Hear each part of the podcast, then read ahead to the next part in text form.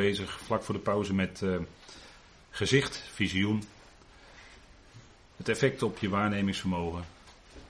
En bijzondere ontmoetingen of bijzondere onthullingen kreeg ook Paulus zelf bij gelegenheid. Dat ziet u in al die teksten als u handelingen naloopt. Dat op specifieke momenten en ook als uh, Petrus bij Cornelius komt, dan uh, krijgt Petrus eerst zo'n gezicht of visioen en vervolgens, of Cornelius zelf en ook Petrus, u weet wel dat laken, komt naar beneden met reine en onreine dieren enzovoort. En daarin, daaruit moest Petrus iets leren op dat moment. Dat was ook een gezicht of een visioen. Nou, dat woord wordt ook op andere plaatsen gebruikt. De Heer, en dan keren we even terug naar het woord op of boven hemels, ons woord epuranion. De Heer die zei daar, die gebruikte dat woord in zijn gesprek met Nicodemus. En Nicodemus begreep niet wat, hij, wat de Heer bedoelde met jullie moeten opnieuw geboren worden. Of jullie moeten van boven geboren worden. De Heer gebruikte daar de meervoudsvorm en hij bedoelde in die leraar van Israël, Nicodemus, bedoelde hij het Joodse volk. Dat had wedergeboorte nodig. Dat moest opnieuw geboren worden.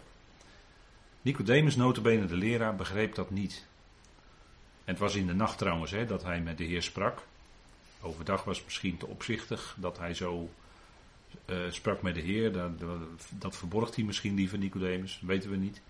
Maar in ieder geval zei de Heer tegen hem, want hij begreep niet dat de Heer sprak over iets geestelijks. Want Nicodemus die vroeg aan de Heer, ja, uh, moet iemand dan opnieuw de moederschoot ingaan en, en opnieuw zo letterlijk geboren worden? Nee, natuurlijk niet. En dan begreep Nicodemus dat niet. En de Heer zei tegen hem in Johannes 3, vers 12: Indien ik jullie, dus Joodse mensen, Israël, over de aardse vertel, en jullie geloven niet, hoe zullen jullie, in geval ik jullie zou vertellen over de hemelse, geloven? Dus zij geloofden niet, notabene zijn eigen volk, Israël. Grosso modo geloofden zij in hem niet. En we lezen dat ook later in Johannes, ik meen Johannes 12, als daar staat, zij konden niet geloven op dat moment. Zij konden niet geloven in de woorden die hij sprak. Het ontbrak hen aan het vermogen om dat te kunnen. En daar zien we dat God door zijn geest moet dat geloof geven in een mens. En dat geldt natuurlijk voor Israël net zo hard als in onze tijd. Waarin er geen onderscheid is meer naar het vlees. Maar ieder die geroepen, hè, die tevoren bestemd is, die wordt geroepen in deze tijd tot het lichaam van Christus. Dus de Heer, ze begrepen maar nauwelijks, en dit was dan de leraar van Israël, begreep maar nauwelijks de aardse dingen, dus het geboren worden en het opnieuw geboren worden. Laat staan dat hij ook maar iets zou kunnen verstaan, iets zou kunnen geloven van de hemelse. En dan gebruikt hier de Heer hier het woord op of boven hemels. Dus als het daar vandaan waarheden komen, dan zou Nicodemus het helemaal niet kunnen verstaan. Dus dat geloof, hè, geloof, is, geloof komt natuurlijk door horen. Natuurlijk. Maar op het moment dat jij kunt geloven, dank God ervoor, want Hij heeft je dat geloof gegeven. Dat heb je niet van jezelf. Dat kun je ook niet zelf. Het is door de geest gewerkt. Het is ook een vrucht van de geest, hè, geloof. Dan mag je ook natuurlijk net zo goed trouw zeggen. Trouw is ook een vrucht van de geest. Dus als jij trouw kunt zijn, dank God ervoor. Want hij werkt met zijn geest in je dat jij trouw bent. Geen eigen roem natuurlijk, hè. Daar zit altijd een bedenkelijk luchtje aan. Maar we roemen alleen in hem, in wat hij geeft. En dat is het geweldige van Gods woord. Dat is al ons geloof waard. We kunnen zomaar zonder meer aannemen wat hij zegt. Dat doen kinderen bij ouders ook. Als papa en mama het zeggen, ja, dan is het zo. Nou, wij, wij doen dat ten opzichte van God, stellen we ons heel kinderlijk op. Ja, vader zegt u het? Oké, nou dan is het zo. Geeft u die belofte? Oké, dan gaat het in de toekomst gebeuren. U zegt het, dus dat gaat in de toekomst gebeuren. Dat is gewoon zekerheid. Want vader zegt het toch? En wie zou het beter weten dan hij, die alle tijden overziet, die helemaal niet aan tijd gebonden is. Vader staat buiten de tijd zelfs. Hij die dat wat er niet is, tot aanzijn roept. Dat is God, hè? En hij schept iets wat wij van tevoren nog niet konden zien, maar hij schept dat. Niet uit niets, maar scheppen is altijd iets maken uit iets dat er al is. De scheppen is nooit iets maken uit niets, dat kan niet. Nee, scheppen is altijd iets maken, iets creëren, iets nieuws uit wat er al is. Maar dan wordt het omgevormd of veranderd en dan is het iets nieuw. En dan zijn wij ook in Christus nu al deel van die nieuwe schepping. En straks ook lijfelijk. Dan blijkt hoe geweldig die nieuwe schepping is. Wij waren er al, wij worden veranderd. Maar wij worden zodanig veranderd dat wij, dat de schrift van ons zegt dat we dan een nieuwe schepping zijn. En dat zijn we nu al in Christus geestelijk gezien. En is straks lijfelijk. Dat is dat gebouw uit God, hè. Dat is zo geweldig wat Paulus zegt in 2 Korinthe 5. Dat wij een gebouw hebben uit God. In tegenstelling tot onze aardse tentwoning, hè? ons lichaam wat, wat vergaat, wat veroudert, wat steeds meer beperkingen kent, zodat je in een verzorginghuis moet worden opgenomen en al dat soort dingen.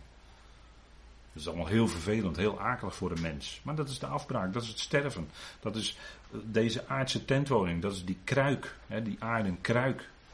Die kan barsten, ja inderdaad. Maar in die kruik, in die schat, dat is het hoofdstuk ervoor hè, in Korinthe. In die kruik hebben wij die schat.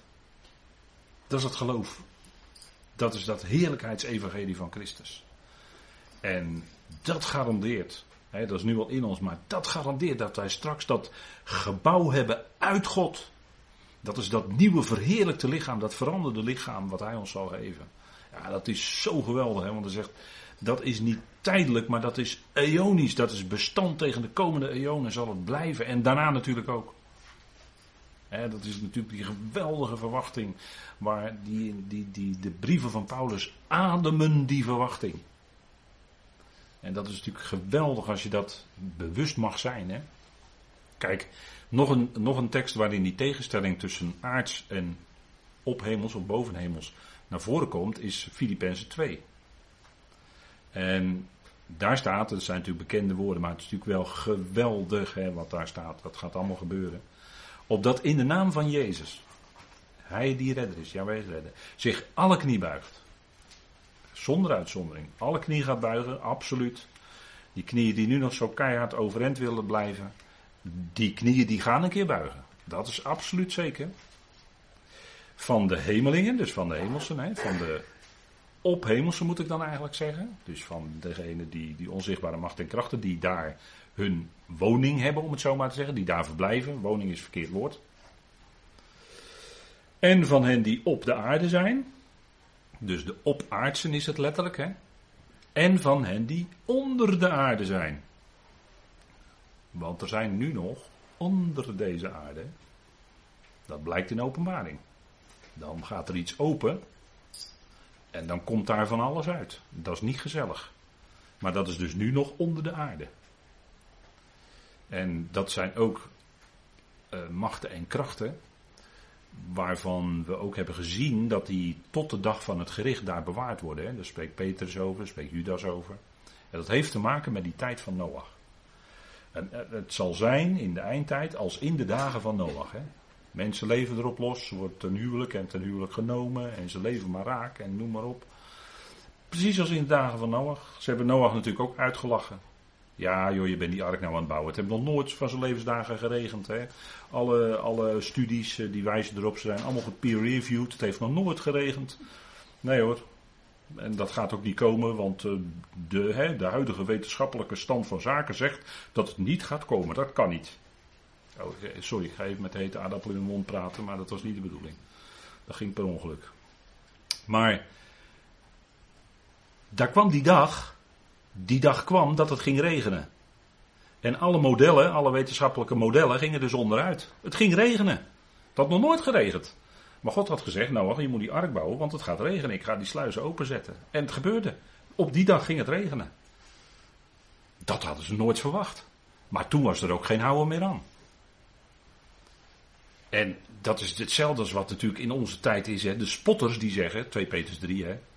De spotters die zeggen, wow, joh, blijft de belofte van zijn komst? Ja, joh, is, 2000 jaar geleden is, er is al niks meer gebeurd. En uh, 30 jaar geleden zeiden jullie dat ook al. Zou die dan nu wel komen? En dan kan het wel 100 jaar duren of nog wel 200 jaar duren voor mijn part.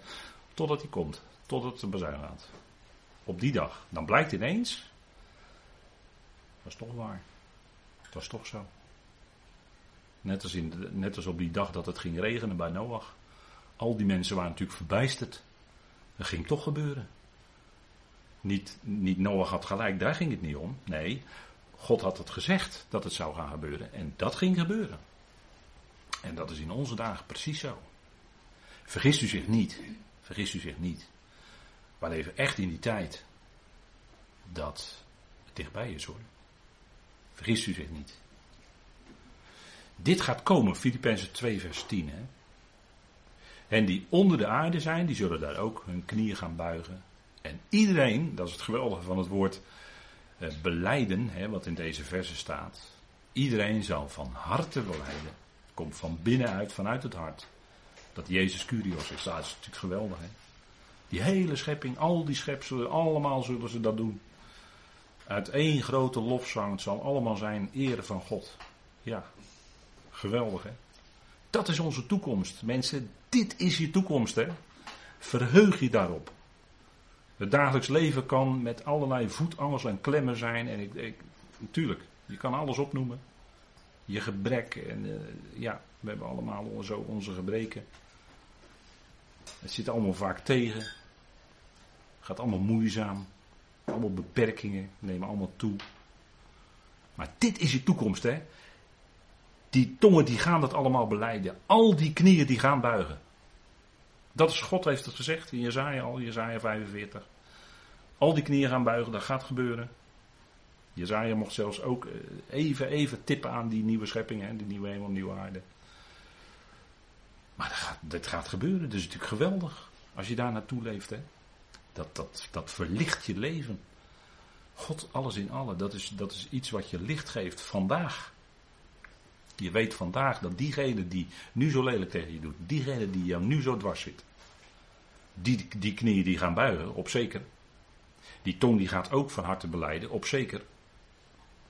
En dan kun je anders naar die ander kijken. God zal ook eenmaal alles in die ander zijn, die nu zo lelijk doet.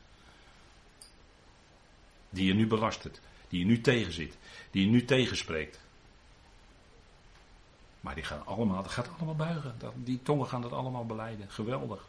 En dan is het één grote lofzang, één grote harmonie. Dan is het woord symfonie eigenlijk wel heel mooi. dan is het één gezamenlijk geluid. Geweldig hè. Allemaal beleiden ze dat Jezus Heer is. Dat is geweldig hoor, als dat gaat gebeuren. Dat zal zoiets bijzonders zijn in die schepping. Ja, dat is, dat is natuurlijk, ja, daar raak je niet over, uit, eh, daar raak je niet over uitgedacht, hè, dit soort dingen. En natuurlijk, ja, er waren die sceptici hè, in, uh, in die tijd van Korinthe. die werden aangestoken door uh, het modernisme, zal ik maar, zo zou ik het maar noemen. En dan moet ik altijd denken aan de Paulus op de Areopagus, weet u wel. Hij sprak, ja, die sokkel voor de onbekende God. Maar die onbekende God, die verkondig ik jullie. Die heeft hemel en aarde gemaakt. En zoals een van jullie poëten of, uh, heeft gezegd, in hem leven wij, bewegen wij ons en zijn wij. Een geweldige onthulling over God doet Paulus daar.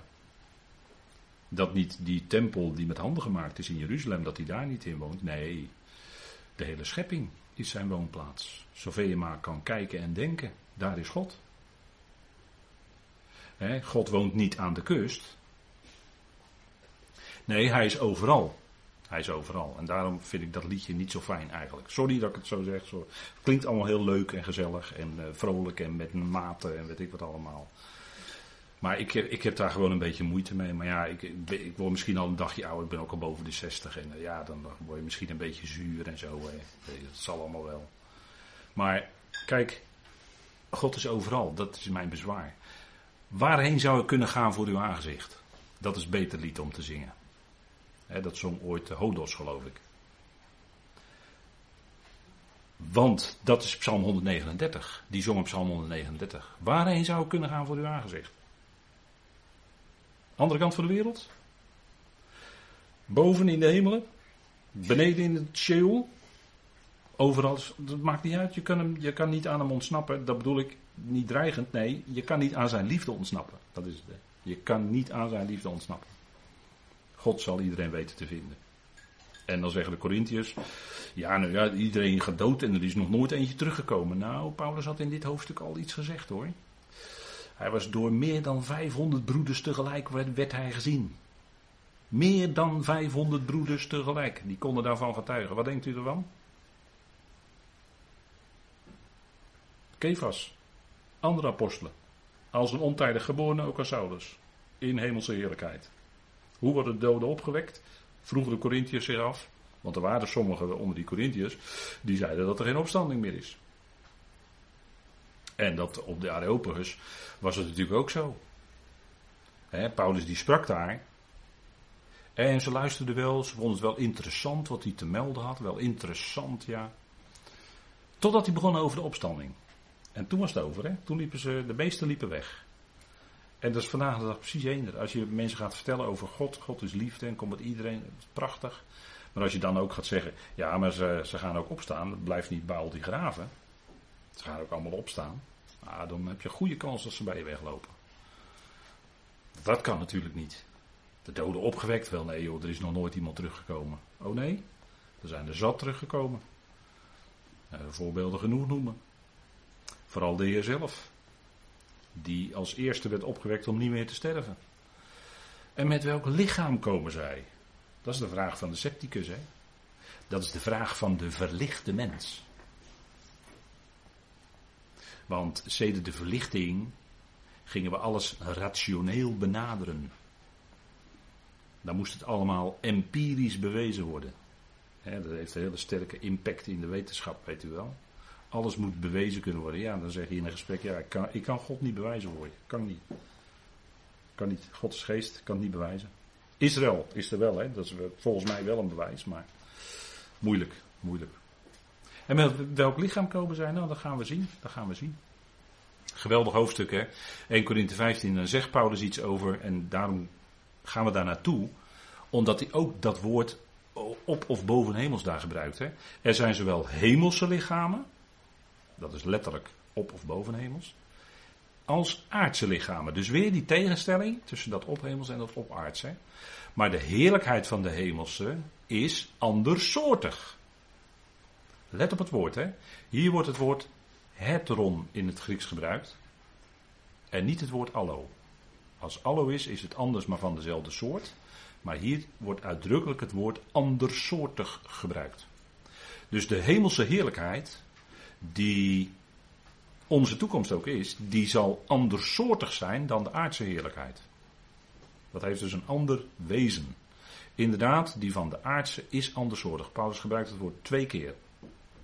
En ik denk dat dat wel van belang is, want we zien hier Abraham die kijkt naar de sterren en er wordt tegen hem gezegd, zo zal je nageslacht zijn. En Abraham geloofde dat. Die geloofde die belofte. En dat sterren, de belofte van het sterrenzaad, om het zo maar te zeggen, de nakomelingen die zullen zijn als de sterren van de hemel, is, daarin zit misschien wel een hint richting die gelovigen die horen bij het lichaam van Christus.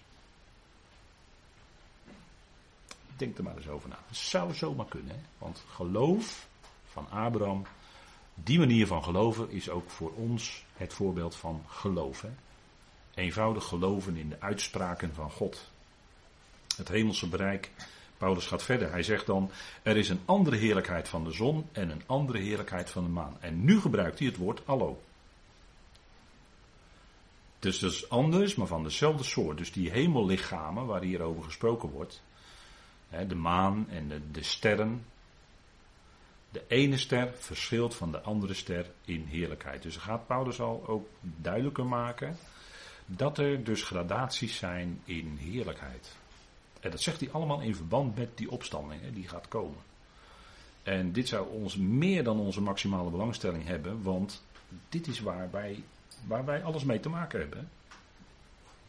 Sterren, ja, wat zijn het? De maan, de zon. Wat is het? Hoe ver staan ze van ons vandaan?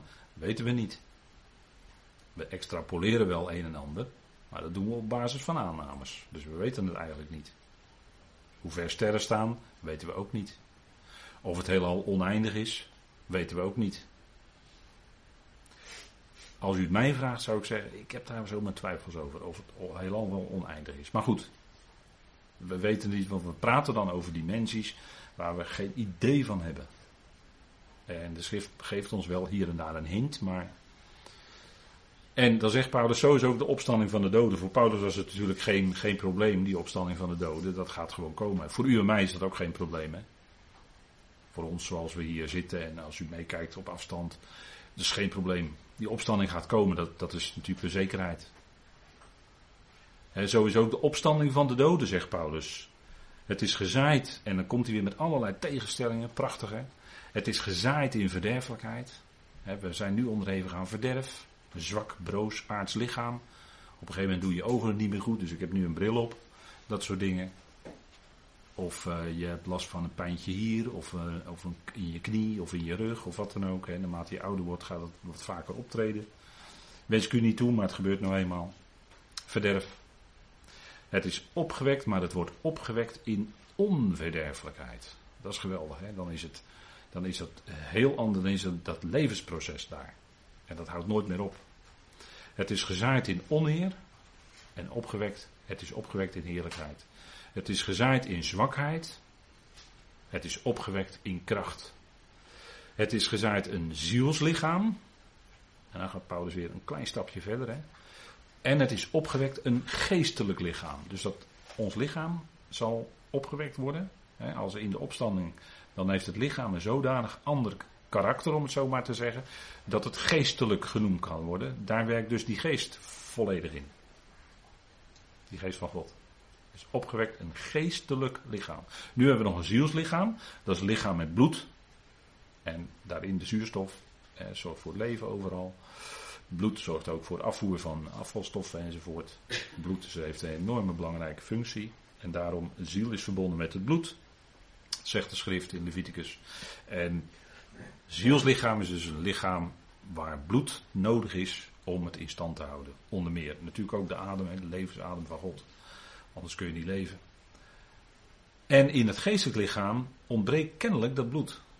Want dan wordt er niet meer over een zielslichaam gesproken, maar over een geestelijk lichaam. Nog steeds een lichaam, maar beheerst door geest. Vandaar wordt het gekarakteriseerd als een geestelijk lichaam. Dat zal zijn in de opstanding. Dat geldt, als u het mij vraagt, ook bij de opstanding van de rechtvaardigen aan het begin van het koninkrijk die, die worden dan ook opgewekt en die zullen dan ook niet meer sterven. Dus hun lichaam is dan ook veranderd. En als u het mij vraagt, dan zou u kunnen denken aan de Heer toen hij in zijn opstanding bij zijn discipelen was. Toen hij opliep met de Emmausgangers.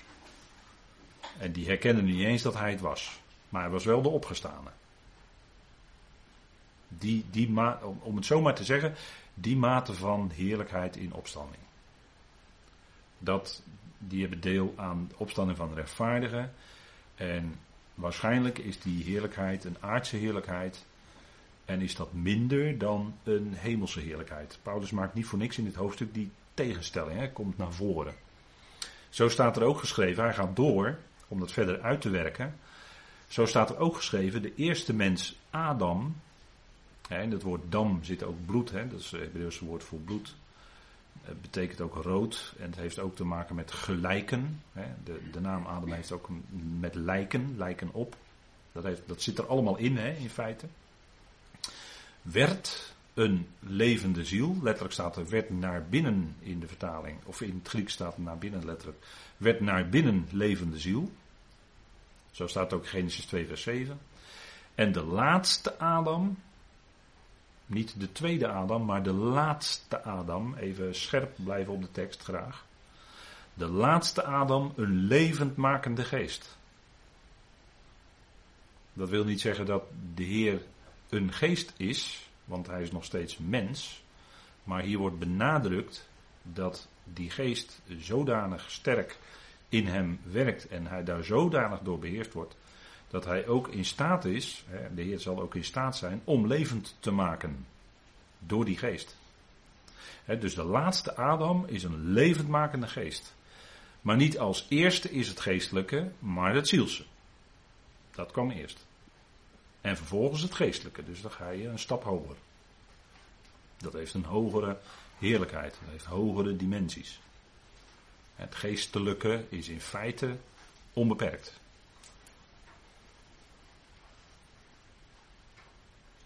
Dus de tegenstelling ziel en geest. Hè? En, dan gaat het, en dan gaat Paulus nog een stap verder. Doordat hij zegt, de eerste mens was uit de aarde van aardbodem. dat is de Adama, de bovenste laag van de aarde. In, staat er in het Hebreeuws dan. En de tweede mens, dus niet de laatste mens, maar de tweede mens hier, is de Heer uit de hemel. Dat is de mens die werkelijk, werkelijk, helemaal Gods beeld en Gods gelijkenis is.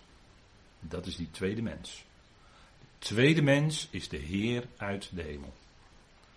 De Heer die kwam uit de hemel en was mens op aarde en hij is nu nog steeds de mens Christus Jezus. Hè? Zoals die van aardbodem was, zodanigen zijn ook die van aardbodem. En zoals de hemelse, zodanigen zijn ook de hemelsen. Dus hier komt weer sterk die tegenstelling van de aardbodem, het aardse niveau, om het zo maar te zeggen, en het hemelse. Dus dat is een, een hogere heerlijkheid dan dat aardse niveau. En zoals het beelddragen van hem die van de aardbodem was, want wij, wij zijn, waren beelddragers van Adam. En niet beelddragers van God, maar we waren beelddragers van Adam.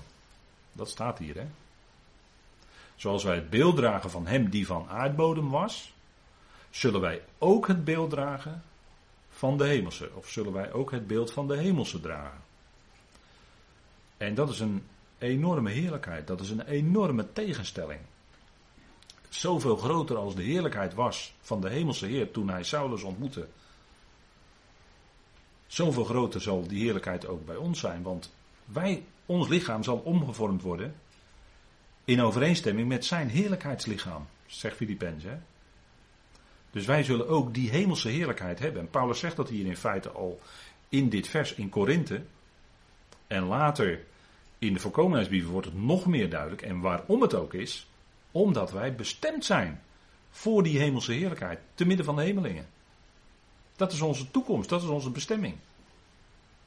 En vandaar dat Paulus hier door, de, door Gods geest geïnspireerd heel duidelijk al een hele duidelijke aanzet geeft. Met heel veel bewoordingen. Dat, is, dat is voor ons om het, om het stapje voor stapje duidelijker te maken. Maar wij zullen ook het beeld van die hemelse dragen. Die heerlijkheid. En, en dat, is, dat is natuurlijk iets, iets geweldigs wat ons nog. Uh, ja, dat is allemaal nog toekomstmuziek. Hè, over symfonie gesproken. Dat is nog toekomstmuziek.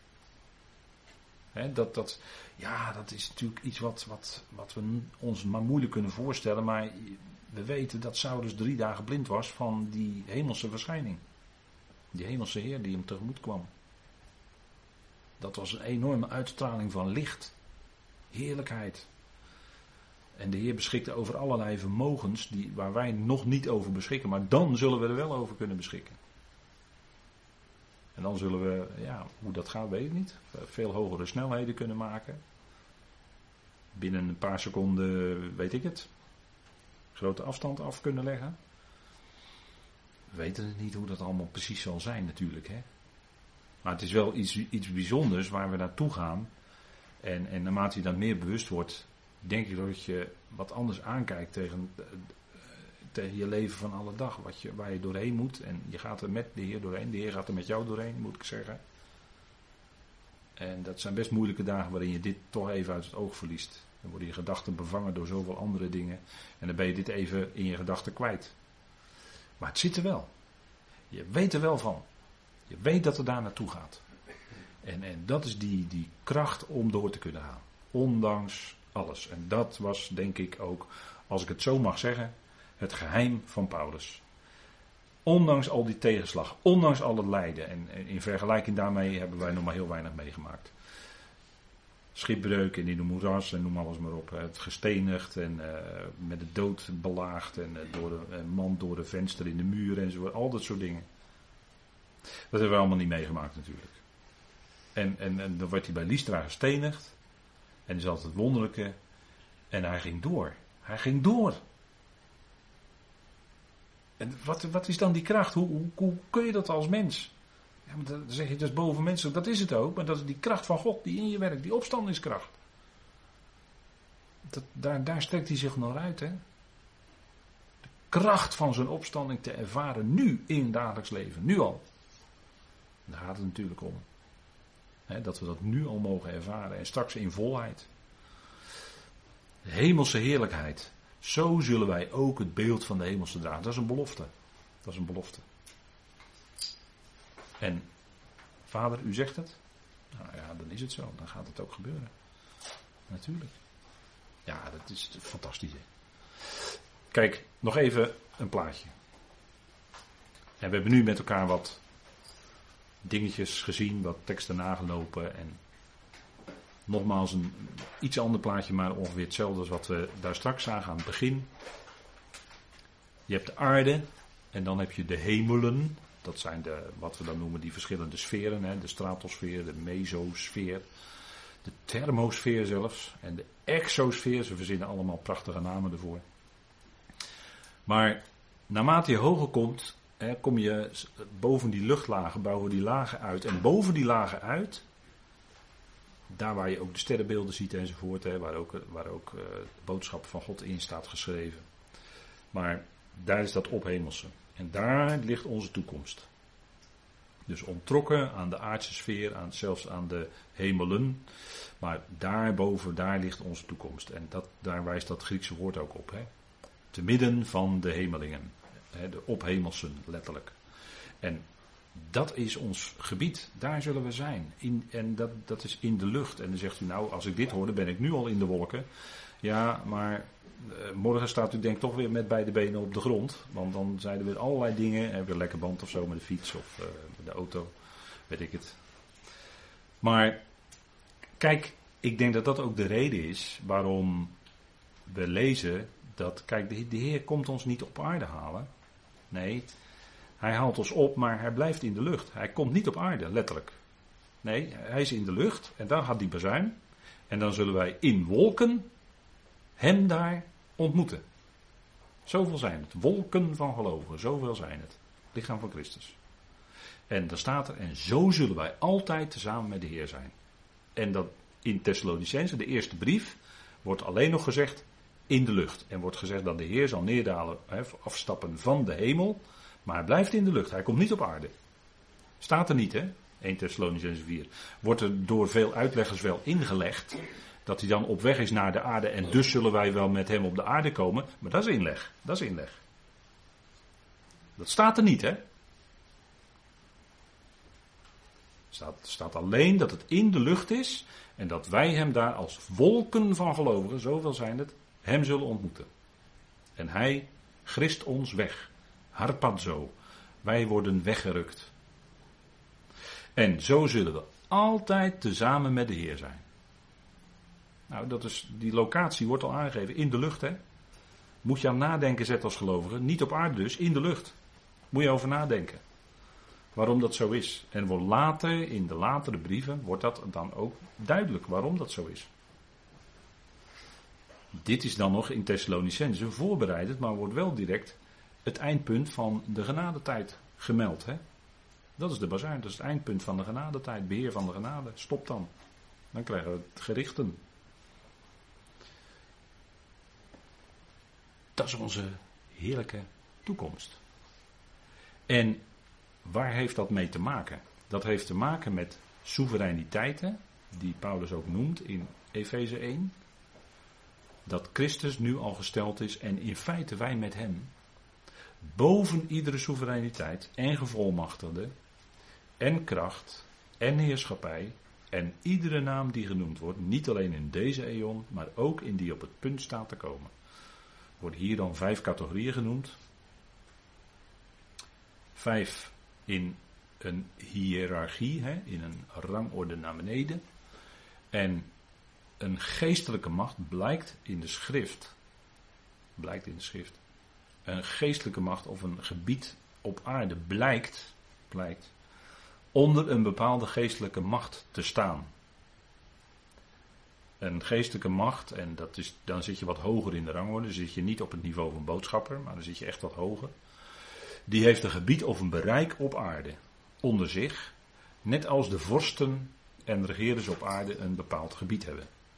zoals uh, uh, Alexander, Willem-Alexander, die heeft het Koninkrijk der Nederlanden, maar dus ook met de overzeese rijksdelen. Hij is daar niet, maar hij is wel in principe koning over die overzeese rijksdelen. En er is een kaart bekend. En dat is wel een kaart die niet zo, verder niet zo erg bekend is in het algemeen.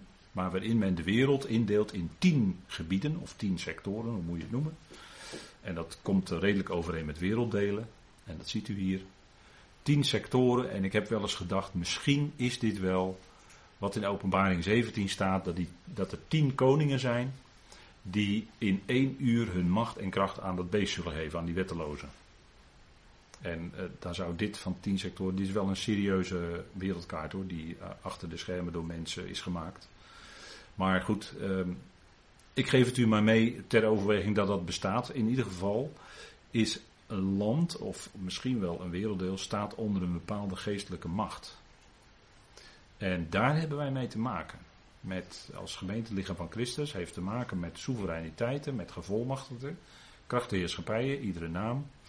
En daar zullen wij mee geconfronteerd worden en hebben wij nu al mee te maken en waarvoor we die wapenrusting hebben.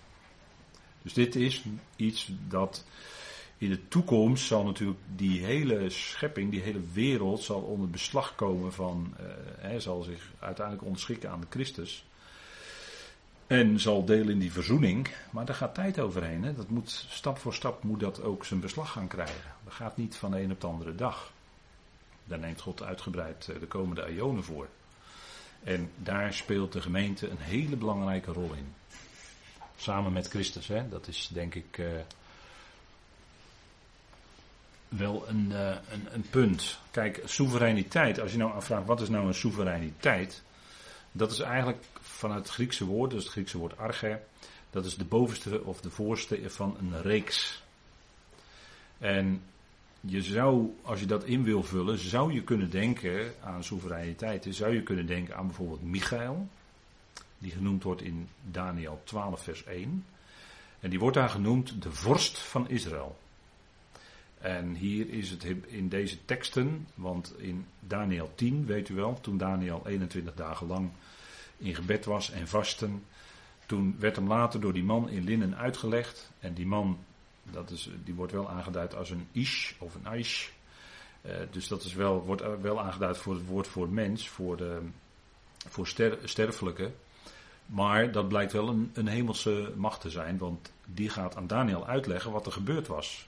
Die vorst van Perzië, die hield, en dat is dan een geestelijke vorst, die hield die vorst van Israël, Daniel, 21 dagen tegen. Even lezen in Daniel 10. En het Hebreeuwse woord voor vorst daar is het woord sar. En ik denk dat het Engelse woord sir daar ook van afgeleid is uiteindelijk. Maar sar is het Hebreeuwse woord en dat duidt op een, uh, een hoge. Uh, in de Concordant Version die gebruikt het woord chief.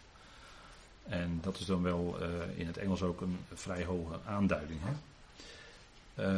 Openbaar, of, uh, sorry, Daniel 10, vers 13 staat dat. Toen zei hij tegen mij, dat was die man in linnen, die genoemd wordt in Daniel 5, Daniel 10, vers 5 en 6. Die zei tegen mij, wees niet bevreesd, vers 12, Daniel, want vanaf de eerste dag dat u zich er met uw hart op toelegde om inzicht te krijgen en om u te verootmoedigen voor het aangezicht van uw God, zijn uw woorden gehoord en omwille van uw woorden ben ik gekomen.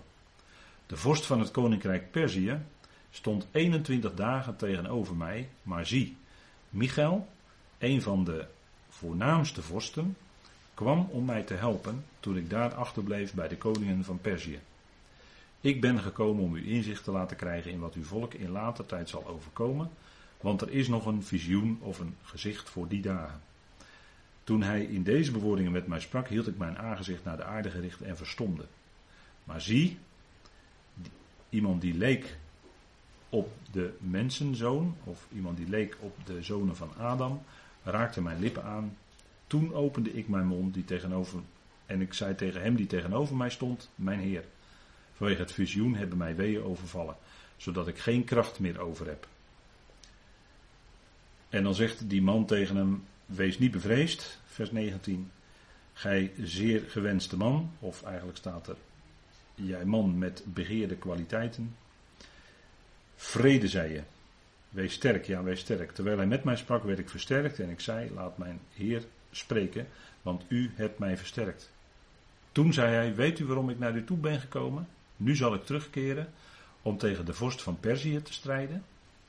En zodra ik gekomen ben, zie, dan zal ik de vorst, dan zal de vorst van Griekenland komen. Dus hier zien we een inkijk, hier krijgen we een inkijk in de geestelijke wereld. Hier wordt gesproken over de vorst van Perzië, de vorst van Griekenland en over Michael.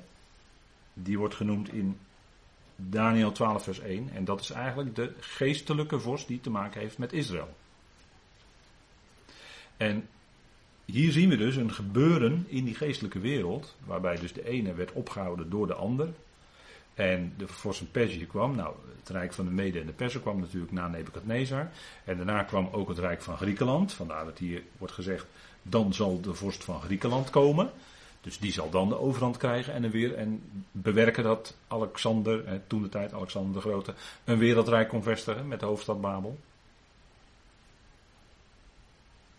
En dat, heeft dus, dat is dus een uitwerking van datgene wat in het geestelijke bereik gebeurde. Die vorsten, hè, dus, dus, dus een, een conflict uh, in, in het hemelse, om het zo maar te zeggen. Net als in openbaring. Michael strijdt met de Satan en wint. En de Satan wordt op de aarde geworpen. Dat, is, dat zijn geestelijke. Dat is geestelijke oorlogvoering, om het zo maar te zeggen die plaatsvindt. En dat heeft een uitwerking op aarde. En dat is natuurlijk in het verleden ook gebeurd. Hè? Dus de, hè, de, de Nebuchadnezzar, Babel. Dan krijg je de Mede en de Persen die het veroveren. Dan krijg je Griekenland die het verovert. Dan valt dat uiteen en met vier generaals. Dat wordt allemaal verteld, maar dat is allemaal een uitwerking van wat in de geestelijke wereld gebeurt. Die hebben daar grote invloed op.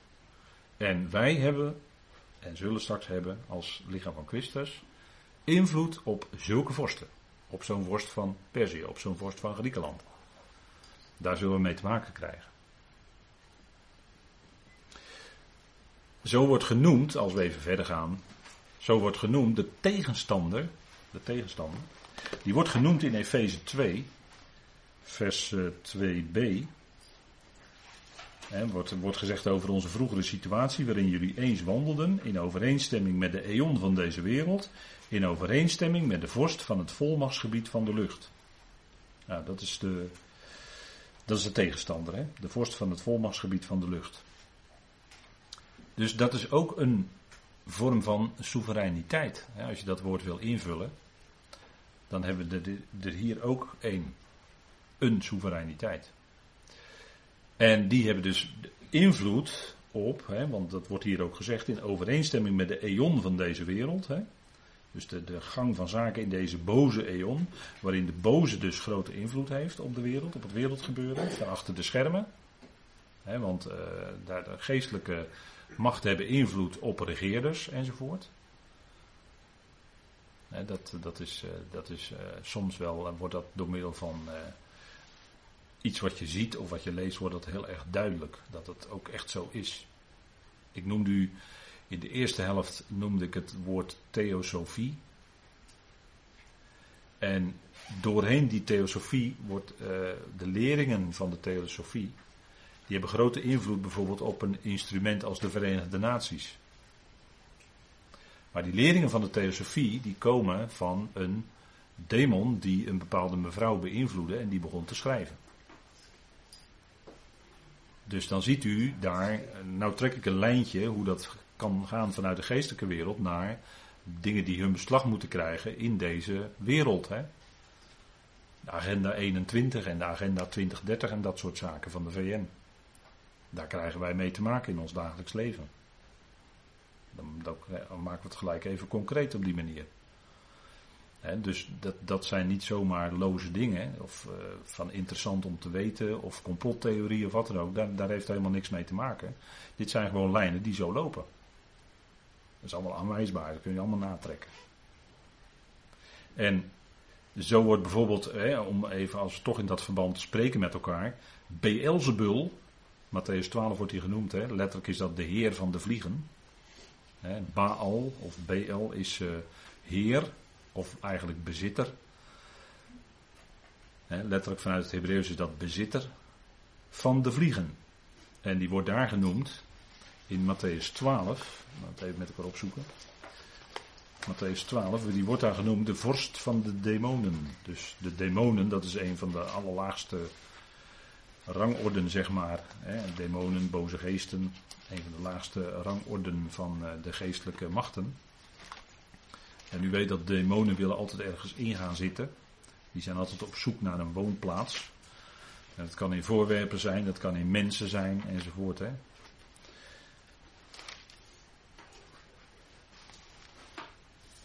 Matthäus 12, vers 24, daar lezen we, en daar zeggen de fariseeën las, uiterst lasterlijk van de Heer. Maar de fariseeën hoorden dit en zeiden, deze drijft de demonen alleen maar uit door Beelzebul, de aanvoerder of de vorst van de demonen. Jezus echter kende hun gedachten en zei tegen hen, ieder koninkrijk dat tegen zichzelf verdeeld is, wordt verwoest.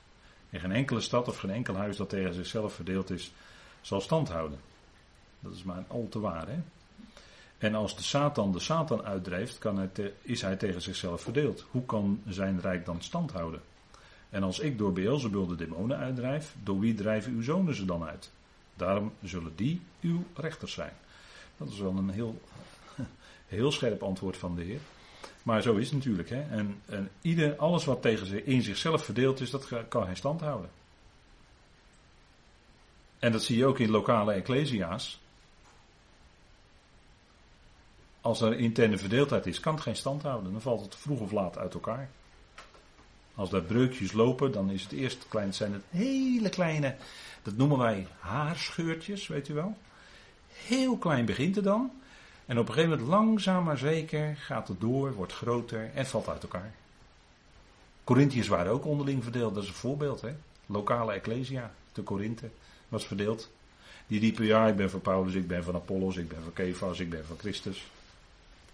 Verdeeldheid. En dat is vanuit het vlees, dat is het vlees. De geest geeft die eenheid, die is er al. En daar zouden wij, die zouden wij bewaren, bewaken met de band van de vrede. Dat is de geest. De geest is altijd één, maakt altijd één. De geest is ook liefde. Hè. Gods liefde is door de geest. Dus dat, is, dat is twee op één. Dat is ook het jaarthema. Hè. Maar het maakt één. Dat is één. Wij hoeven die eenheid niet te maken met elkaar die zouden wij bewaren met de band van. Je bent met iedere gelovige ben je één. We hebben allemaal diezelfde geest ontvangen. Dus daar ben je één mee. Dat is al zo. Dus zijn scherpe woorden van de Heer. Goed, goed meenemen, hè, deze woorden van de Heer. Alles wat in zichzelf verdeeld is, dat kan geen stand houden. Nee, nee dat gaat niet. Dat gaat niet. Dan kan je er met tien paarden aan gaan trekken. Maar dat gaat niet. Pilatus was een gevolmachtigde, om even terug te keren naar die hiërarchie. Kijk, Pilatus dat is nou een typisch voorbeeld van een menselijke, want je hebt die rangorde natuurlijk ook in het menselijke. Hè. We praten nu over de geestelijke uh, rangorde, maar je hebt ook natuurlijk bij de mensen, heb je de keizer had je toen in Rome. Hè. Dat was de Pontifex Maximus. En die stelde dan allerlei mensen aan. Pilatus bijvoorbeeld. Pilatus was een gevolmachtigde van Rome in die tijd. Hij was een exousia. Hij had dus zijn, zijn hij had uit die keizer, was hij een gevolmachtigde. Hij was een gevolmachtigde van de keizer. En die keizer staat op zijn beurt ook weer onder een geestelijke macht. Kijk, de heer Jezus die zei in dat proces, nou het was niet eens een proces, hè, het stond te, stond van tevoren al vast wat eruit moest komen. En dan moet ik toch weer wat inslikken, wat ik nu zeg. Maar, bij wat ik nu zeg. Maar er stond al van tevoren vast wat er uit dat zogenaamde proces zou moeten komen. De Heer moest veroordeeld worden. En dan zegt de Heer tegen Pilatus. Terwijl Pilatus zich erop beroemt, een beetje grootspraak. Pilatus zei dan tegen hem, vers 10, Johannes 19. Spreekt u niet tot mij? Weet u niet dat ik macht heb of volmacht heb u te kruisen en volmacht heb u los te laten? En toen ging de Heer wel spreken. Jezus antwoordde: U zou geen enkele volmacht tegen mij hebben, als het u niet van boven gegeven was. Daarom heeft hij die mij aan u heeft overgeleverd een grotere zonde. Dus die boven Pilatus was gesteld, daaraan kun je aan denken de Romeinse keizer. En je kunt nog een trapje verder gaan door te zeggen: het is die geestelijke macht die boven die Romeinse keizer staat, of boven het Romeinse keizerrijk. En je kan nog verder gaan door te zeggen: uiteindelijk God, want God staat boven alles. Via, via had Pilatus die macht gekregen, die volmacht gekregen, uiteindelijk door God bepaald, om dus de Heer te kunnen laten kruisigen. En dat moest ook gebeuren, dat was het plan van God. En daar was, Pilatus moest daar een instrument in zijn. Van God uiteindelijk. Als je even die tussenlagen weglaat. En daarom zei de Heer, ja Pilatus, jij kan het wel, je hebt die volmacht wel, maar besef dat die jou van boven gegeven is. Met andere woorden, jij hebt eigenlijk helemaal niks te vertellen. En want Pilatus wist, Pilatus wist dat de Heer ten onrechte veroordeeld werd. Hij had geen zonde, die Heer. Hij had geen zonde. Hij werd Pilatus wist daarom wat ook zo moeite mee. En zijn vrouw had ervan gedroomd en die zei: Je moet je niet doen. En toch. Het was hem van boven gegeven, hè. Zodoende was hij een gevolmachtigd. Dat heb je ook in het geestelijke bereik. En uiteindelijk zal het hiertoe leiden, Efeze 1, en dan eindigen we weer met Evangelie. En alles onderschikt hij onder zijn voeten. En hij geeft hem als hoofd boven alles aan de uitgeroepen gemeente die zijn lichaam is. Hier ziet u de volle uitdrukking. Dit is waar wij toe behoren. Het complement van hem die het al in alle compleet maakt. Wij horen bij de gemeente, de uitgeroepen gemeente, die zijn lichaam is. Hier wordt het gepreciseerd. Hè? Kijk, die Ecclesia van God, de gemeente van God, is alomvattend. Dat zijn alle uitgeroepenen in Gods plan van alle tijden. Dat is de Ecclesia van God. Dat is een hele grote groep mensen. Abraham, Isaac, Jacob, allemaal Ecclesia van God. Maar, en de groep Israëlieten, zegt uh, Stefanus in Handelingen 7, de groep Israëlieten die uitgegaan was uit Egypte, dat was ook een ecclesia. Die volksvergadering in de woestijn is ook een ecclesia. Wordt ook dat woord gebruikt. Maar dat is dan specifiek die ecclesia, die groep. Nou, binnen de, die hele ecclesia van God, binnen die hele grote gemeente van God, daarbinnen heb je de uitgeroepen gemeente die zijn lichaam is. Dat is een groep binnen die grote groep. En daar hebben we het over als we, als we de brieven van Paulus lezen. Daarvan is Christus Jezus het hoofd. En let op dat Petrus niet bij het lichaam van Christus hoort. Petrus heeft het in zijn brieven ook nooit over het lichaam van Christus. Petrus heeft het ook niet over dat hij, dat Christus, het hoofd is van het lichaam, de uitgeroepen gemeente. Zegt Petrus nergens. Jacobus evenmin. Johannes zegt dat ook niet. Kijk, op die verschillen zouden we letten. Hè? Dat zijn belangrijke verschillen, wezenlijke verschillen. En de roeping van de uitgeroepen gemeente die zijn lichaam is, begon bij de roeping van Saulus. Dat is het beginpunt van de uitgeroepen gemeente die zijn lichaam is. En laat u zich niet verwarren door uitdrukkingen als de Ecclesia van God. Want u weet, van God is het alomvattend. Dat is ook met het koninkrijk van God, dat is precies zo'n uitdrukking. Het koninkrijk van God is alomvattend, dat is de hele schepping. Maar het koninkrijk van de hemelen is dat koninkrijk wat uit de hemelen op de aarde komt. Dat is een onderdeel van het alomvattende koninkrijk van God. Nou, zo ook heb je de Ecclesia van God, dat is alle uitgeroepenen van alle tijden. Maar specifiek daarbinnen heb je de Ecclesia die zijn lichaam is. En die worden geroepen door de brieven en de prediking van de apostel Paulus, Saulus. evangelie van zijn kruisiging en opstanding. Van de Heer. En al diegenen die daartoe tevoren bestemd waren, die worden ook geroepen. En dan geldt, een ieder die geroepen is, blijkt ook uitverkoren te zijn. Dan geldt, met de variatie op een uitspraak, vele geroepenen zijn ook vele uitgekozenen. Bij Israël geldt, velen zijn geroepen, maar weinigen uitgekozen. Maar dat geldt dus niet voor de gemeente, het lichaam van Christus. Aan wie hij boven alles, aan wie de Heer boven alles als hoofd is gegeven. Hij is niet als hoofd gegeven aan de koninkrijksgemeente. Daar is hij koning. Dus die begrippen moet je niet met elkaar verwarren. Dat zijn allemaal andere. Zegt u hoofd is beeldspraak? Natuurlijk is dat beeldspraak. Maar het zegt wel heel veel, omdat het woord in de schrift gebruikt wordt. En daar, die gemeente heeft dus te maken met dat het al, het allen wordt compleet gemaakt door hem. En wij zijn daar heel nauw in betrokken. En het al is dan wel degelijk die hele schepping. Zodat we eindigen vandaag met Efeze 3, vers 10. Opdat nu bekendgemaakt wordt aan de soevereiniteiten. Dat zijn dus hemelse, geestelijke, onzichtbare machten en krachten. En de gevolmachtigden, te midden van de hemelsen. Door de uitgeroepen gemeente. De veelvuldige wijsheid van God. En dat is vanaf het moment dat Paulus dat schreef. Hè, dat woordje nu betekent van nu af aan. Dus dat is al een kleine 2000 jaar aan de gang, om het zo maar te zeggen. Waarin die Ecclesia wordt geroepen. En er is een roeping voor boven. En die bekendmaking gebeurt door prediking, door wat, hoe God handelt met al die leden van het lichaam in de loop van de tijden. Dat is allemaal een bekendmaken aan die geestelijke machten en krachten. Dus dat is al een kleine 2000 jaar aan de gang. En daar zullen we straks mee uh, verder gaan.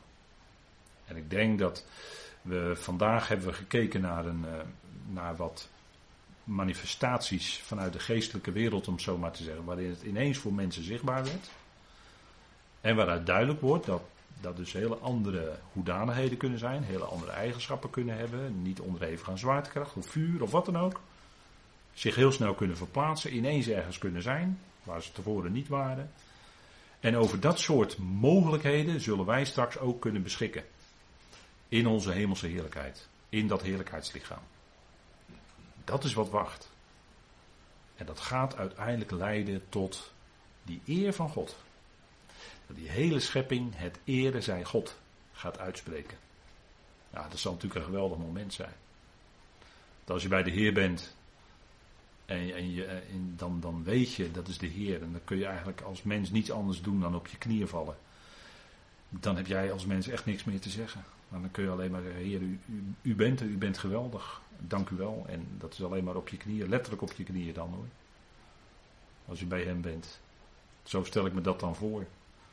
Al die leden van het lichaam van Christus op hun knieën voor de Heer. Hij komt alleen alle eer en heerlijkheid en, en kracht en macht toe. Natuurlijk. Dat zal een geweldig gebeuren zijn. Hè? En wat zitten we daar, als u het mij vraagt, dichtbij. Zullen wij de Heer daarvoor danken? Vader, we danken u dat we zo weer een moment stil konden staan bij wat aspecten uit uw woord. En vader, we hebben nog maar zo weinig besef van hoe het allemaal is en wat, wat ons te wachten staat in de nabije toekomst. Maar dank u wel dat we stukje bij beetje daarover mogen leren. En wat gegevens mogen opzamelen uit uw woord. Om ons daar iets bij te kunnen voorstellen.